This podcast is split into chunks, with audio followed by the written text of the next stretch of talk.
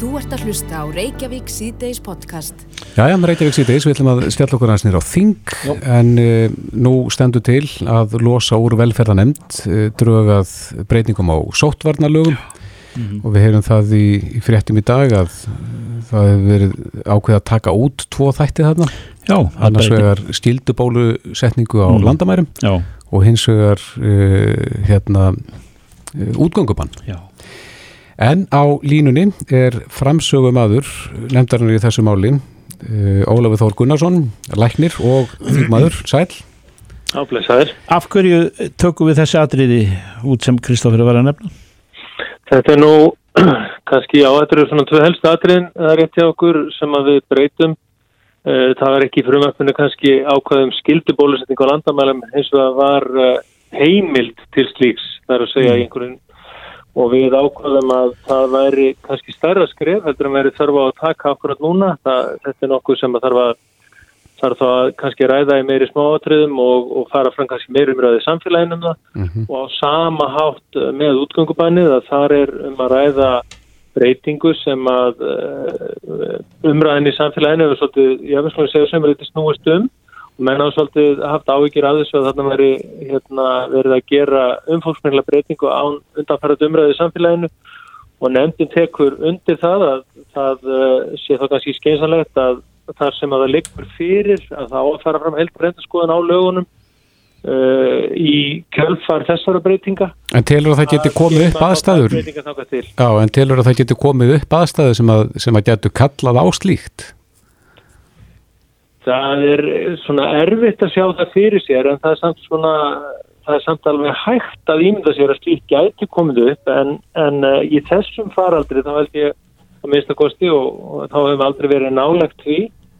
Og uh, ég held að uh, eins og ég sagði áðan að það væri þá svo stór breyting að það er að fara fram mjög ítarlega umræðu um það ekki bara en á þingi heldur líka út í samfélaginu. Æ, en hverjar eru nú helstu breytingarnar ef þú lítur að sé við það? Í... Aðrar breytingar eru síðan þær að eh, svona kannski þar merkilegustu að, að við setjum inn í laugin áskilnaðum það að ráð þeirra verði að gefa þinginu skýslu mm -hmm. ef að farandur stendur eh, lengur heldur en tvo mánuði og þurfi síðan með reglubundu millibili að gefa slíkar skýslur til þingsins og við útskýrum það síðan aðeins nánar í öndaralitinu að, að uh, eh, ráðræði geti þá auk þessa uh, sett þinginu þá uh, greinagerðir eða minnisblöð ímistum nefnda þingsins eða betur þingsins og sama hátt tökum við að fram í nefndaralitinu að aðri ráðræðar kunni þá líka að, að, að gefa skýslur en auðvitað er það þannig í okkar stjórnskipan auðvitað geta ráðræðar gefið þinginu skýslur Eh, hvena sem er. En þarna erum við í rauninni að setja áskynna um það þegar að faraldur eru uppi að gera þetta. Mm. en aðrar breytingar eru í rauninni svona, ég vil ekki að segja minniháttar en, en kannski svona meira, meira svona snurfus en til að mynda það er, það er tekið fram að e, það er aðstæður sem þurfa að vera uppi til að mynda til þess að atvinnurekstur stöðvaður eða, eða, eða einhverjum stöðum lokað vegna smittættu mm -hmm. að þá er svona farið nánar út í það í lögunum eh, sko hvað áskilnaði þarf að vera það er að segja hvað þarf að vera uppi til þess að hvaða hægt að þarf að vera uppi til þess að, til þess að, hérna, að það sé hægt Það þurfa að raukstýða það þá nánar heimildir. Já, þetta er fyrst og fremst til að skýra þær heimildir og, og bara tekið fram að menn þurfi þá raukstuðning Uh, og nú er ég ekki að halda það fram að hafi ekki verið raukstunni ykkur hingað til en þannig er verið að setja það inn í laugin að það þurfa að vera Serðu mm. fyrir að það er aðstæða sem er uppi núna því að nú er ímiskonar stað sem eða hefur sem er verið lokað á undanföldnum mánuðum uh, svona miða við og, og eftir breyttum reglum og ef að mm. þessi nýju lög vera samþygt uh, væri það hægt í dag? Já, ég held að samkvæmt þeim eh, breytingatöluðum sem við erum að gera núna þá eru í raunin allar þær uh, ráðstafanir sem að uh, bæði þessum eru í gangi og, og eins náttúrulega ef að, sótatalæknir og, og, og ráð þeirra mætu og svo það þyrfti með einhver móta herða á aðgjörðum að þá eru, þá munu lögin eins og þau verða þá eftir þessar breytingar heimilega það og taka líka utanum þær aðgjörði sem eru í gangi núna þar með talið þær aðgerið sem við erum með, með á landamærunum. Er ekki þokkalegt sættum, þegar þú lítur til pakkans í heilsinni? Jú, í rauninni, sko, það eru, þetta eru sumir nefndamenn með fyrirvara en ég held ég ekki uppljóstra neina um leindamálum þegar ég segi það að á fundir nefndarinnar í hátleina þá var málið tekið út og þá voru allir nefndamenn sammála því og það treystu allir nefndamenn sér til þess að vera á nefndarálitinu. Þannig að þó að menn hafi þetta skipta skoðinu nákvæmlega um einhver atriði í, í, í hérna, lögunum að þá hefur tekið sem betur fyrir að, að ná ágættis sátt um, um öll meginatriði og það er náttúrulega mjög mikilvægt. Já, hefur, hefur nefndin sem það skila þessu máli frá sér þá?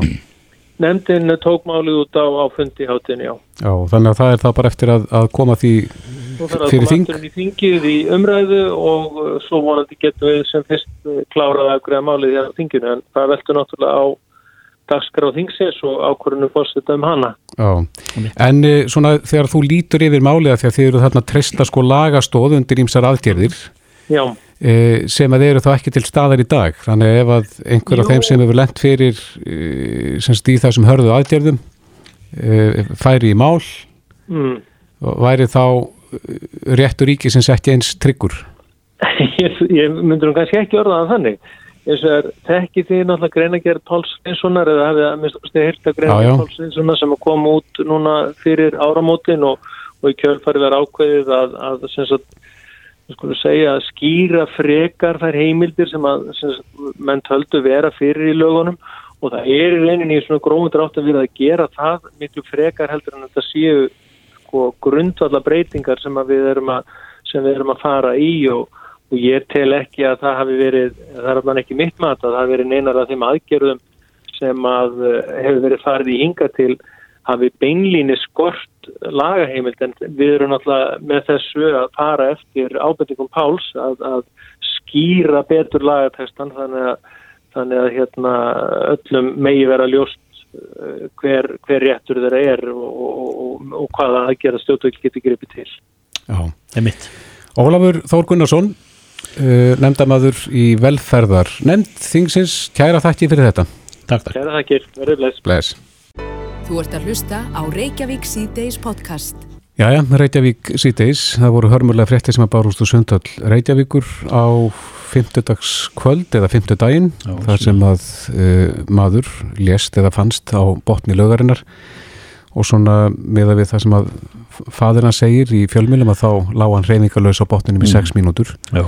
Þetta máli til rannsóknar og svo sem ekki kannski mikið um það að segja en, en svona mál kom alltaf annars leið upp og þá berst talið að eh, þessum öryggisbúnaði sem að á að vera til staðar. Já, sem að uh, lýsi sér í því að eh, leiki slíkur hlutur á, á botnilögarinnar lengur enn í Já, reyningalös í eitthvað nægst tíma. Nægst tíma þá fara einhverja viðrunabjörlur í gang. Já, og þarna er náttúrulega verið að tala um myndavilar og skinnir og annað slíkt en, mm. en það er spurning hvað eh, reglugerðir segja um það? Hvaða, hvaða búnað er stilt að vera með á sundstöðum? Á línunni er Gunnar Alexander Óláfsson, hann er sérfræðingur eh, hotlustu hátta hjá umhverjastofnun, kom til sæl. Sælir Sælir, sælir. Já, hvað segja reglugerðir? Hvaða búnaður á að vera til staðar á sinnstöðum? Fyrst og fremst á að vera lögagjæsla. Mhm. Stöðu mm -hmm. og virk lögagjæsla. Og það er alveg e, þannig málum hægt á öllu lögu sem er ofin almenningi á Íslandi í dag. Það er stöðu lögagjæsla. E, síðan er líka e, þar að segja í ákveðinu tilvíkum að þetta notast myndavilar. Mhm. Mm það er hveð á hún slíkt uh, en, uh, og, og líka fyrir eftir talt eftir gerðu lögarinnar hversu mikið lögagesla á að verði staðar en það er fyrst og fremst lögagesla Já, er hveðið á um í reglugerðum að það eigi að vera myndavilar semst ofan í lögunum? Ekki alveg. Það, það er að það er heimilt að, sé, að vera með myndavilar, já. En, en, en ekki, er, ekki alveg að það skulle verið, það er að segja mönnu, þess að laugavörðin skulle verið trílið ákveðin yfir sín og, það, og við það má nota myndaverðar. Mm -hmm. En hvað með svona öryggisbúnað eins og nema og annað slíkt sem að á að nema reyfingarleysi? Það er ekki hverðið um að það sé skilda að hafa það í, í laugum. Uh, Laugarnar hafi tekið marga hverju uppjá sjálfum sér að vera með svona búnað uh, en uh, það er ekki bein krafum það í reglugjörðin, nei. Mm. Er uh, gæslan svona, sé nú lítið yfir, yfir þann tíma sem að þetta hefur verið fest í reglugjörðir að, að, að það, þessi mannlega gæsla skuli döga, er, er hún óbríður? Svona, svona heilt yfir og það skást það sem að völ er á? Já, ég, ég, ég hérna alltaf nú að segja það. Ég sundlega gæslan og öryggisgæsla í sundlegum og öryggisreglur eru mjög góður lægi hér, hér á nandi. Já. E, hérna og hefur farið batnandi undanfarin ára, ára tíu og því miður, því miður, því miður hefur nú þá oft orðið kjölfar slisa að það hefur verið bætt úr en eins og ég líti á þetta í dag þá get ég ekki annað sagt en að að eh, öryggismáli sundlegu landsins eru í mjög góðu lægi uh, og hérna uh, og sundlegar, svona fórstum með sundlegu og, og þeir sem reyka sundlegur eru mjög meðvitaðar um sitt hlutverk. Og það er búið að vera alls konar uh, aðgerur og átök í gangi til þess að reyka öryggi sundlega gesta. Og Ég vil segja að það er eh, eitthvað sem er uh, mjög, uh, allir mjög meðvitað um sem er í þessum gera. Það eru ekki gestana, sundlega gestana. Mm -hmm. En er þetta að sjá eitthvað staður og ert þú með yfirlítið það á hversu mörgum sumstöðum svona stinnirar eru sem að eiga nema reyningarleysi? Ég þekki það ekki alveg. Ég, ger, ég held nú samt að, að ég held að ég get fullist að þetta eða nú á, á, á þeim sundlegum flestum sem eru þar að segja fjölmennastar þar að segja er með mestu aðsóknina en ég er ekki með það algjörlega fyrir fram með hvað það er hálf hlutar í miður. Nei, er, er, þegar að sunnstæði setja upp svona búnað, er, er það tilkynnt til ykkar? Tilkynnt til viðkondi helbuseflið, já. Mm. Já, þannig að þá að vera yfirliti við það á einhverjum stöðum. Já. Mm. Eh, praktist, Andri, er gerður greinamunur af því í, í þegar verið að koma fyrir besta horfi gæslunar við sundlög hvar börn eru og hvar fullóttir eru? Já, já, það er alveg aukinn krafa um árvertni og, og aðgæslu þegar sem börn eru. Og eh, sem dæmum má nefna uh, barnasund og það sem börn fara í frístundi sund og annað þá er ekki krafa um ákveðin, bara x ákveðin fjöldi barna með uh, leifbeinanda sem dæmi. Mm -hmm. þannig að það er alveg harðar uh, kröfur um, um, um uh, uh, ákveði svona eins og til dæmis uh, hjálpatæki eins og það synnstæði skuli vera með kúta og, og annað eins uh, í bóði fyrir uh, þannig að þau geta verið upplifað sig öryggar í, í lögjónum En telur þú að það þurfi að gera einhverja breytingar eða, eða bæta ástandið, koma einhverju inn í reglugerðir svona til þess að, að auka öryggi? Ég útlokka ekki neitt. Við erum mjög meðvitið um uh, öryggi sundlega gæsta og ef það koma fram einhver ný uh, atriði sem gerir það, þá bara erum við sjálfsögum augun opinn fyrir öllum góðum breytingum sem eigur raun sundlega öryggi mm -hmm. gæsta. En veistu af hverju það er ekki gerð krafa um að svona búnaður, eftirlisbúnaður sé í lögunum? Af hverju þetta er bara sett í hendurnar á, á þeim sem reyka þessa staði? Er það fjárhagsspörsmáli eða?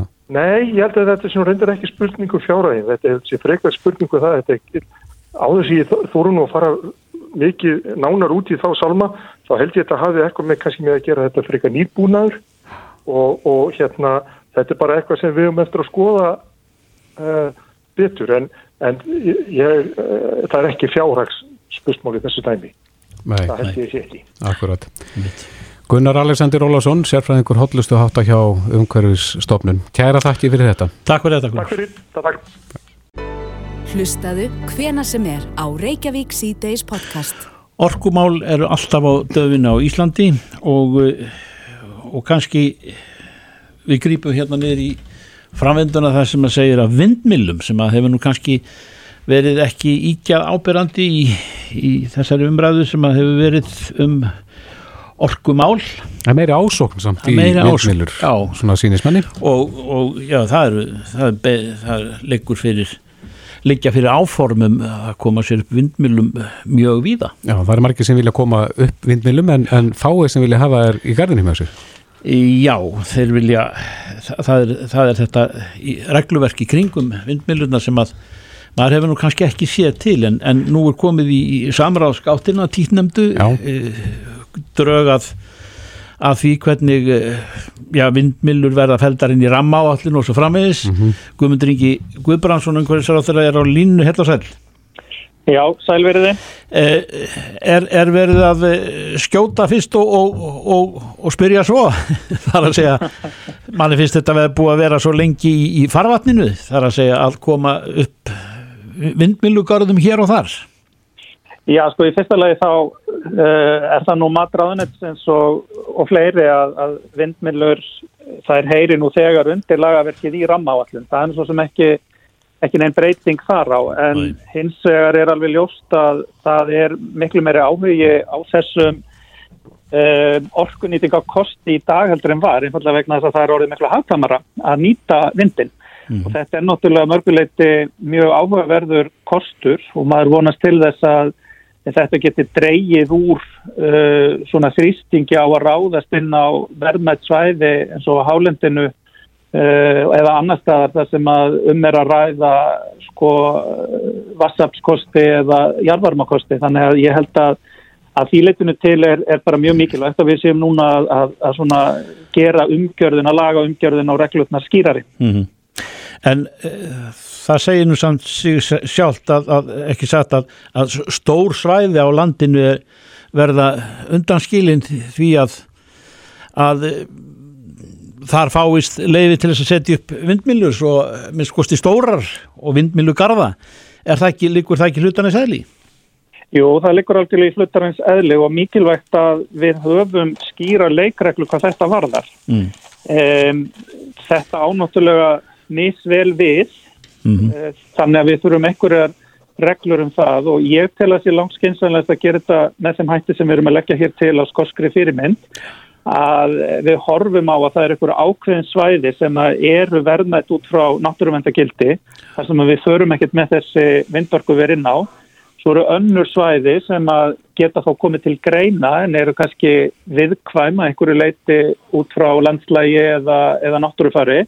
Og þar þar þá skoðum við hvort að aðstæður uh, séu með þeim hættu að það sé réttlætanlegt að ráðast í slikar virkjanir sem að vindorkan er mm. og svo þriðji flokkurinn sem er þá utan þessar að tvekja og það sé þá þarri uh, fram bara málsmeðferð sem að snýra skipularsmálum og matta og umhverjusáflugum. Mm. En hinn hópurinn, þessi, þessi miðflokkur, það sem að þarf að skoða þær hugmyndir sem að mögulega er hægt að ráðast í að það verði þá rammaáallunar að verkefnistjórnarinnar að, að, að, að fjalla um það og, og gera tilögu til áfyrra um uh, hvort að þar skuli eða meir ráðast í virkanir eða ekki. Mm. Og þetta er einföldum frá því kerfi sem við erum með í dag.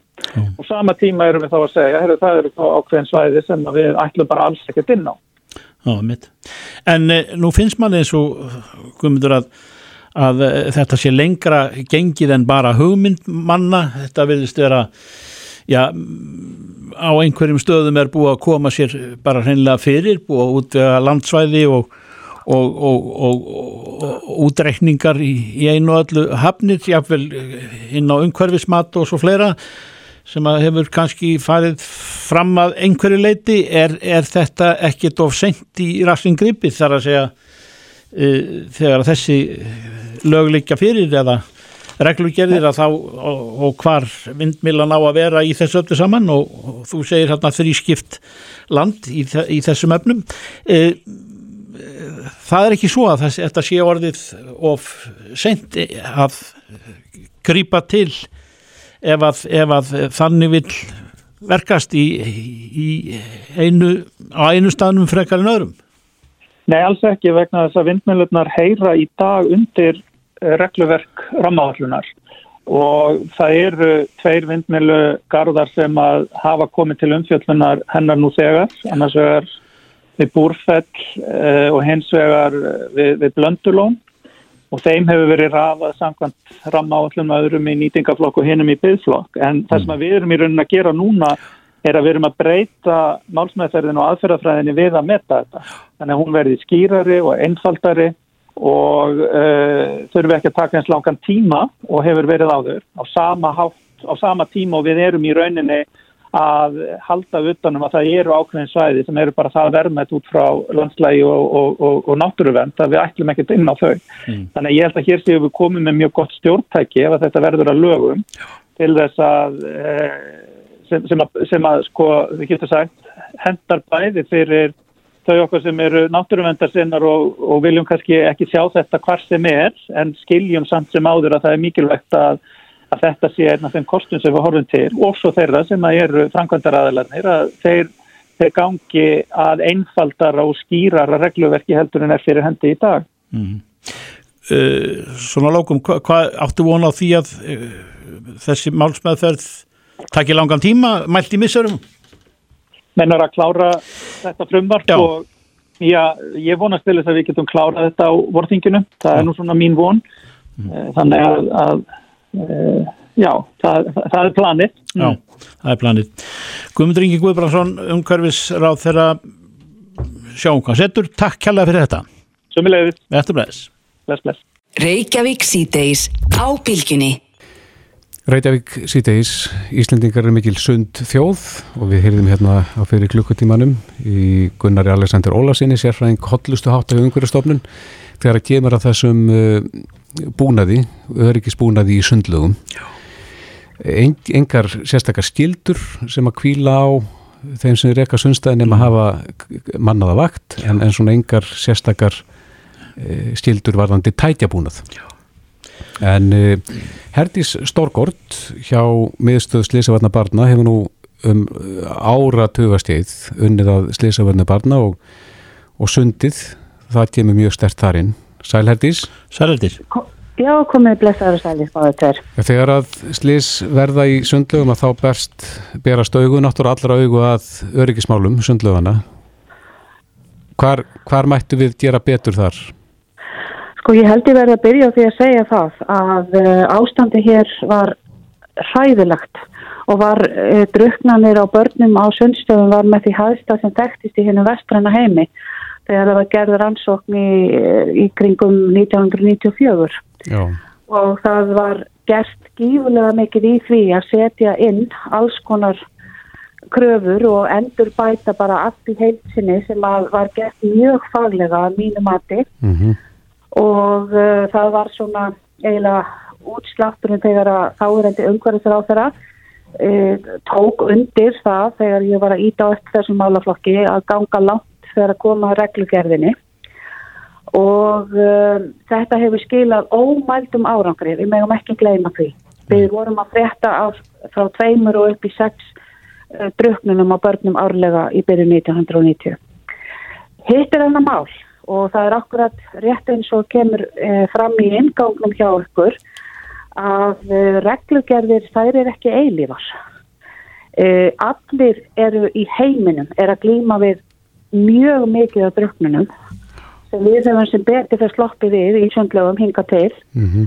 uh, og það er á fullu uh, eins og maður segir verður að reyna að finna betri og betri vöktunabúna mm. því með því að hafa góða vöktun hjá mannesku sem að hefur svo góð tæki uh, til þess að auka gersluna að þá vitum við það að það er miklu örugara mm -hmm og það sem að, að mínumati fyrst að gera núna það er að það fyrst að endur skoða reglugerðina með tilliti til þess hversu mikið þessum búnaði og vöktunabúnaði hefur farið fram og, og gera þá kröfur um hann og ekki bara það að það sem kannski ég hef mest verið að skoða það er að herða öryggið e, þegar að kemur að vassrænibrautunum. Við erum ekki að setja upp uh, við erum ekki að standa alveg rétt af því að því að reglugerðin er svo léleg að uh, hvernig skuli standa af því faglega.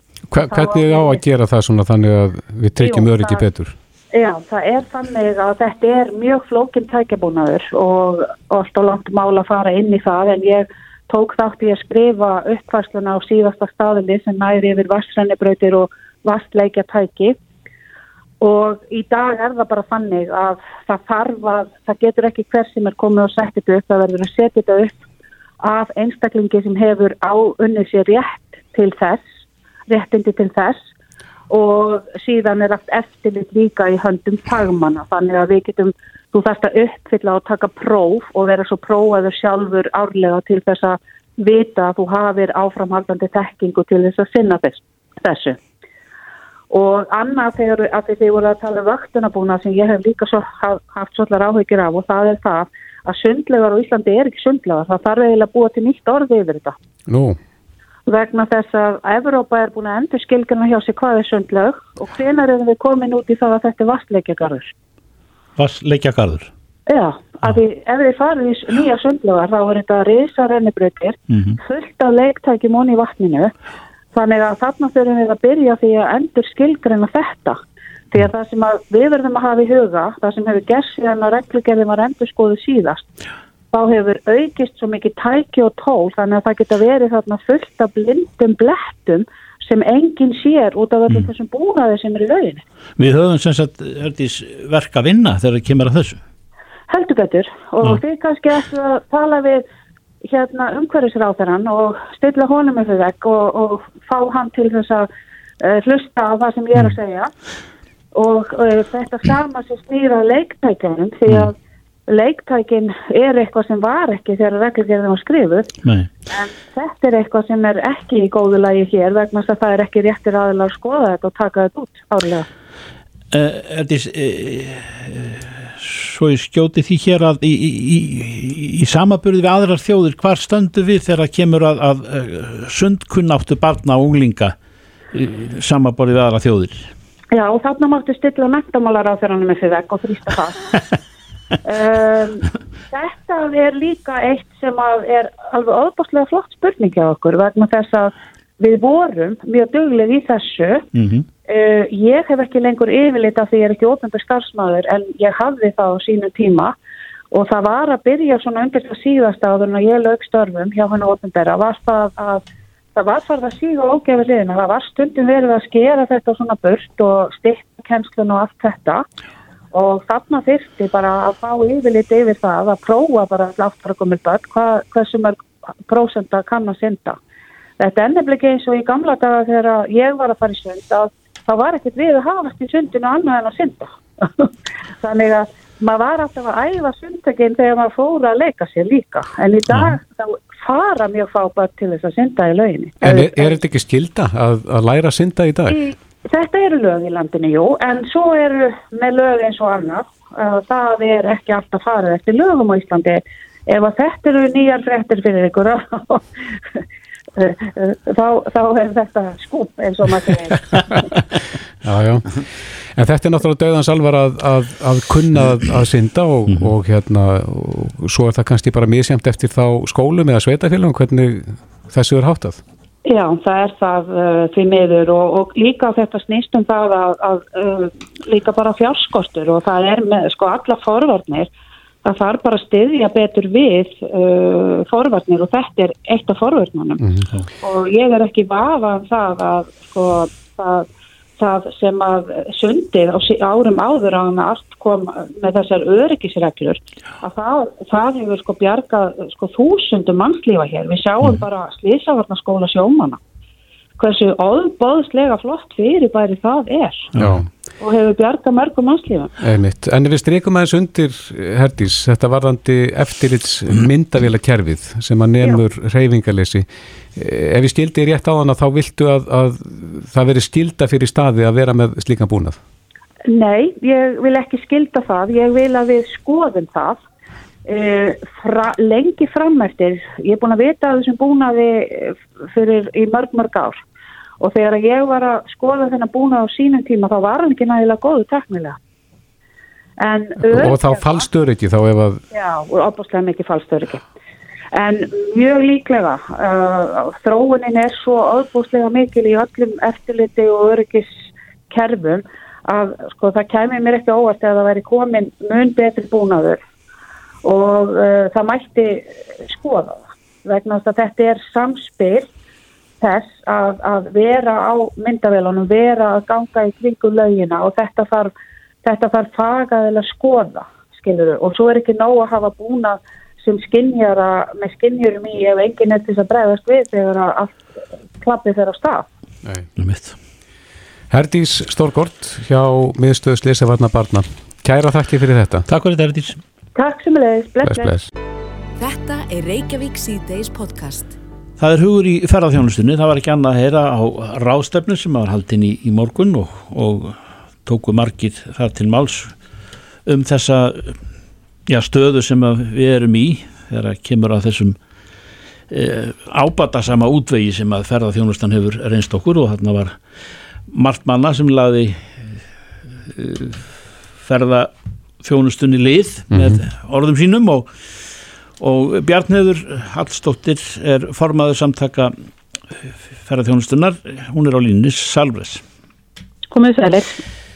E, Til þess að fara svona fljótti við sögu þá, þá er nú bent á það að, að ferðarþjónustan er e, hún þarf að e, hvað, hún þarf að, að taka sér svolítið á þar að segja eigu að fara sömu leið aftur til þess að ná þessum fjölda sem að ég hefur oft verið nefndur við ferðalanga hingað komna 2 miljónir á ári e, eða förum við einhverja aðra leið?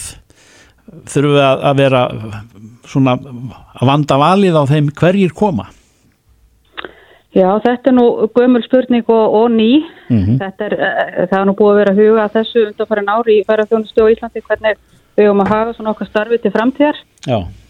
Og þá hefur einmitt svona verið svona samkomi lagu sem að segja um það að, að við einblínum og frekar á, á virði hvers best heldur en endilega fjölda þeirra. Já. Þannig að, að við reynum að höfða til markkópa sem að, sem að kannski skila okkur meiri tekjum heldur en aðrir. Og það er náttúrulega verið sérstaklega mikilvægt núna í kjölfar COVID-faraldusins þegar við getum flóksins farið á stað aftur. Það var nú nefnt svona með, með brosleiri tilvittnun ef ekki að sækjast eftir að fá hér bólusetta biljónamæringa. Já, það, það hljóma bara ágjörlega og svo hafa sumir hend á loftið og við getum reynd að höfða til bólusettra eftirlauna þegar og, og heilbreyðistarsmanna sem að, að því við vitum þá nú að það vera þeir sem kannski fá bólusetningu diskir. Já. Já, en, en svo allir gamnislefti þá, þá er þetta eitthvað sem við þurfum að huga mjög vel að í í, í núna uppbyggingafasanum eftir, mm. eftir COVID. En uh, það er hugur í mönnum og það er stefnanir tekin á, á fyrsta mæ í, í hvaða efnum þar að segja, nú veit, veit maður ekkit hvað, hvað næsti, næsta vika ber með sér eða, eða mánuður eða, eða framvindan svona óljós? Já, já, óvissan er ennþá allt um líkjandi eins og hún hefur svo sem verið alveg, mm. alveg síðan faraldurinn skall á en það verða þó þær breytingar fyrsta mæja, það verður mögulegt að taka hér á móti gestum aftur án þess að þeir þurfa að fara í 5. sótkví eins og, eins, og, eins og staðan er búin að vera síðan 19. ágúst þannig að það, það verður svo grundvallar breyting sem mm. að gerur okkur þá kleift að taka á móti gestum, það hefur ekki verið hægt og meðan þessar reglur er ekki hægt og meðan þær eru. Þannig að, að komi fram óveðu skí á himnum um það leiti um mánamótin april-mæja þá, þá nær það bara ekki lengra en, en þið, þið takki þarna ákveðna stöðu Já, eins og ég segi, við höfum þarna einhverja vörðu til að miða við, svona mm. okkar áallanir okkar markastarf og, og annað í þeim dúr mm -hmm. sem að bara munar öllu núna að hafa svona eitthvað, eitthvað á sjóndöldarhingnum sem að er til bóta Já. Þetta ástand er búið að vara mjög lengi og menn, menn farnir að hlakka til að geta að fara að vinna vinnuna sín aftur og taka móti kjæstin. Já, veistu hvað eru mörg fyrirtæki ferðjónustu sem, sem hafa lagt upp laupana eða hægt rekstri? Nei, ég veit það ekki en það eru hins vegar töluvert færri, færri heldur en reiknaða mér þessi gældfrótar sína sem að mátti alveg spúastu við svona á setni hluta síðast ás, hún hefur ekki komið fram hvort sem það er eitthvað svika lokn eða ekki en það hafa svo sem hérna aðgeri stjórnvaldur hjálpa mörgum fyrirtækjum þannig að við svona gerum okkur vonum, vonir um að þetta verði minna umfangs þess að þessi gældfróta hrína ef að, að ferða þjónastan fyrir að komast á stað aftur það er náttúrulega þetta ef og þegar sem að, sem að hérna sem er út um allt sko. En hafa menn uh, talað um fjölda fyrirtækja hafa menn talað um það að fyrirtækjum þyrti að fækka til þess að eh, já, eða vera betur tengt til þess að mynda svona eina samfellu í, í, í stefnunni Já, já, það hefur svo sem verið talað um það lengi að það þurfi vissa hagraðingu í ferðarþjónustunni og það er öruglega alveg rétt en, en við mögum ekki gleyma því að við þurfum allar tegundir ferðarþjónustu fyrirtækja í þessari keðju sem að ferðarþjónustan er. Við þurfum bæði stóru og öflug fyrirtæki sem að sækja út á markaðina og síðan þurfum við þessi litlu sérhæðu fyrirtæki líka. Mm -hmm. En uh, var stór partur af starfsfólki innan geirans, það er þess að ferðarþjónustu geirans, voru það erlendi ríkisborgarar? Meiri hlutin? Já. Ég hef nú ekki greining á því en mér finnst það ólíklegt að það hef verið meiri hlutin ef ég á að vera alveg eh, alveg, eh, nei, ég myndi ekki segja það, en ég hef þessu tölur því miður ekki handbarar, nei. en áhugaverð spurning einhvað sér. En má gera ráð fyrir því að, að hluti af þeim sem hafa það mist vinnuna í þessum faraldri sé farin aftur til þessins heima? Jú, það má alveg reikna með því að hluti, hluti hafi farið aftur heim, en, en ég veit til þess að það eru mjög margir hérna ennþá Já. og eru bara býðið eftir að fá, fá vinnuna sína eftir, aftur en það svo sem ekki miklu að hverfa í heimalöndunum heldur þetta, þessi stað er nú allstaðar uppi. En þegar að viðspilna kemur, hvernig uh, búist þið við því að það verði auðvilt þá að, að fá starfsfólk til þess að sinna þessum störfum? Já, við vonum það. Hmm. Það er náttúrulega líki latrið að við fáum, fáum starfsfólki aftur og, og, og þetta er náttúrulega alls konar starfsfólki vinnur í þessari grein og, og hérna, við þurfum nöðsynlega á á þekkingu og reynslu og samböndum þessa fólks að halda þegar við förum á stað aftur Einmitt. þannig að þetta vonum við það sem flestir snúi aftur í ferðarþjónustuna mm.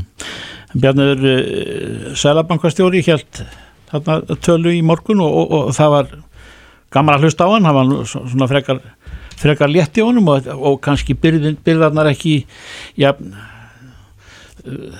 þungar og, og maður svona hefur haft tilfinningu fyrir eh, hann nefndi þó það að, að sömstaðar á Íslandi væri við orðinir allt og dýr væri við orðin allt og dýr? Já eins og til dæmis að Reykjavík væri orðin eh, dýrasta höfuborgi heimi eða, eða í flokki þeirra eh, er, já, já. Er, er það eitthvað sem er á reiknistoknum hjá ykkur? Já já það hefur náttúrulega verið það sem við höfum svo sem við erum að tala um í mörg ára samkeppnishæfni okkar hefur skerst og þá sérstaklega vegna hás innlands kostnaðar og sterks gengis íslensku krónar en uh, nú hefur krónan ger, gefið tölvert eftir á meðan og COVID ástandi stóð þannig að það mun bæta okkar samkipnishefni og við þurfum náttúrulega nöðsil á því að halda núna þegar, þegar vonandi allt verður á stað aftur því við verðum náttúrulega í samkipni við já, ansi mörg önnur að marga aðra áfangastæði Já, já, já. Já, já, gammal kunnugt ráð minnum en á gamla dag að lækka gengið og þá stöndum við betur. já, jú, það var gert en ekki gamla dag já. Já, en eh, Bjarniður Hallstóttir eh, formaður samtaka ferðarþjónastunar eins og ég segi það var, það er, var ekki svo slæmt í ykkur hljóðið eh, heldur nei, miklu nei, frekar það, gott það, og, og, og bjart á því tækir því bara sem að höndum ber, það er gott að heyra. Við, við gerum það og lökum til að byrja aftur. Takk fyrir þetta. Takk, takk. Leð. Reykjavík síðdeis á Bilginni podcast Jæja, Reykjavík sýti þess á Bilginni við hefum okkar stórleikara sem er að gera Garmin fræga við Erlendis. Mm -hmm. og uh, nú var Netflix að tilkynna í dag uh, aðaleikarana í nýjum vikingatháttum sem að heita Vikings Valhalla. Já. en meðal þessara leikara er uh, okkar eigin Jóhannes Haugur Jóhannesson sem er á línunni, kom til sæl. Sælir. Já, blessur, góðan daginn Segð okkur aðeins af, af þessum þáttum, hvaða er þetta svona eins og aðrir vikingathættir sem við þekkjum? Uh, já, þetta er náttúrulega, uh, þetta er rauninni framhald af uh, seríinu sem að ber bara heitið Vikings. Já, sem að voru mjög vinsælir.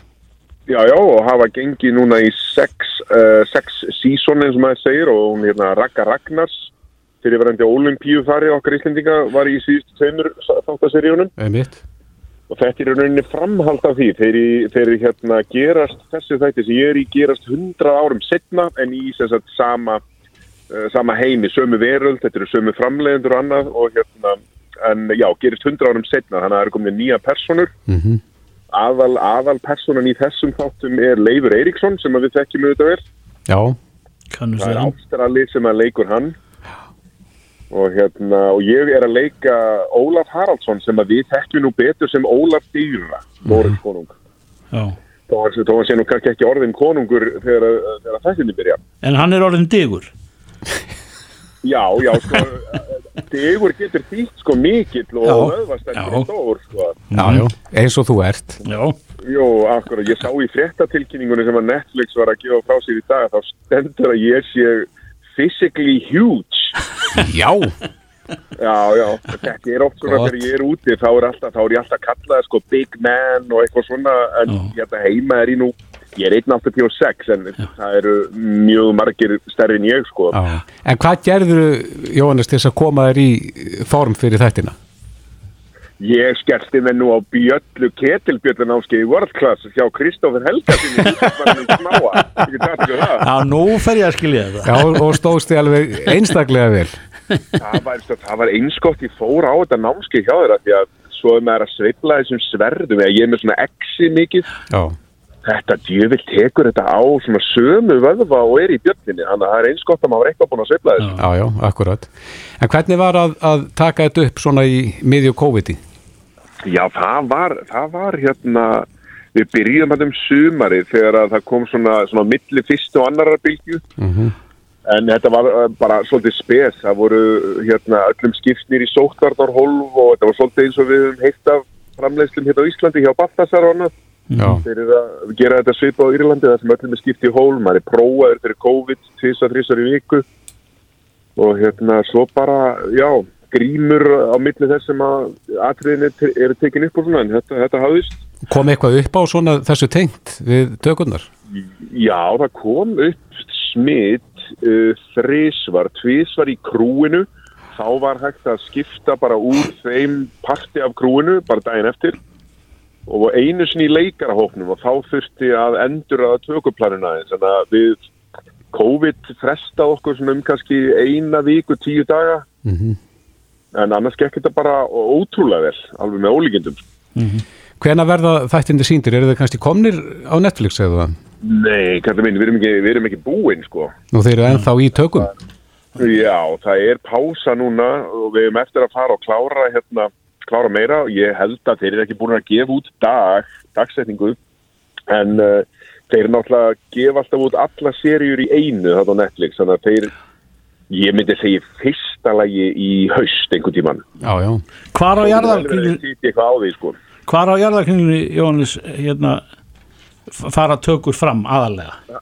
Það í Dublin, uh, kringum Dublin í- á Írlandi Þetta er allt þar Og hvernig var, hvernig lífsreynsla var þetta og er þetta að, að taka þátt í svona þáttum? Þetta er bara feikilegt ævintýri, bæði sko er þetta tölvett stærri hlutverkin svona mér hefur kannski verið treyst fyrir áður þarna á Erlendu vettvangi Mhm.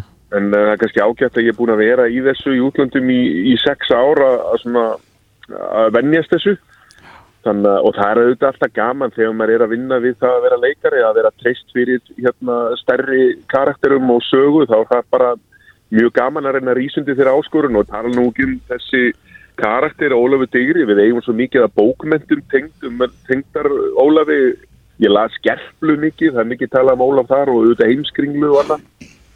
Þannig að þetta er bara, þetta er veistla eins og maður segir. Já, talið þið ennsku?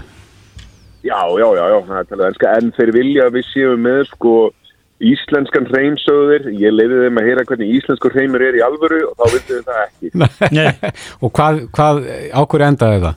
Þetta er eitthvað svona, þeir byrjuðu á þessu í vikingstáttunum hinum sko, þá er þetta svolítið sænsku skotið, þannig að þetta er, ég myndi segja þetta væri svona norsk sænsku skotin skandinavisku reynur. Getur- samt ekki of mikið, þeir vilja alltaf toga manna aðeins yfir í bresku. En getur þú gefa okkur dæmi, hljóðdæmi? Já, þú meina það? Bara rétt sér svona, svo maður skilji. If you're going to sail that boat, I'm going to have to follow you. Já. Já. Þannig að þetta er svona, þú veist, maður heyrir feimin en Já. þetta er ekki ofhart. Nei, akkurat. Þú, er, þú ert greinlega mjúkur. Já, já, mjúkur og svo að maður sína hörður hliðar, sko. Já, akkurat. Hann, eh, hann Ólafur Degrið nefnilega, hann sko ber ábyrð á kristnitökunni hérna á Norðurlöndunum og hann, hann kristnaði menn hægri vinstri með góðu eða illu. Já. Þannig að þú voru að vera kortveikja. Já, já, það voru ansi margar sálir sem voru bjargaðar með því að láta brenna sig á báli, sko. Já, akkurat. góð björgun.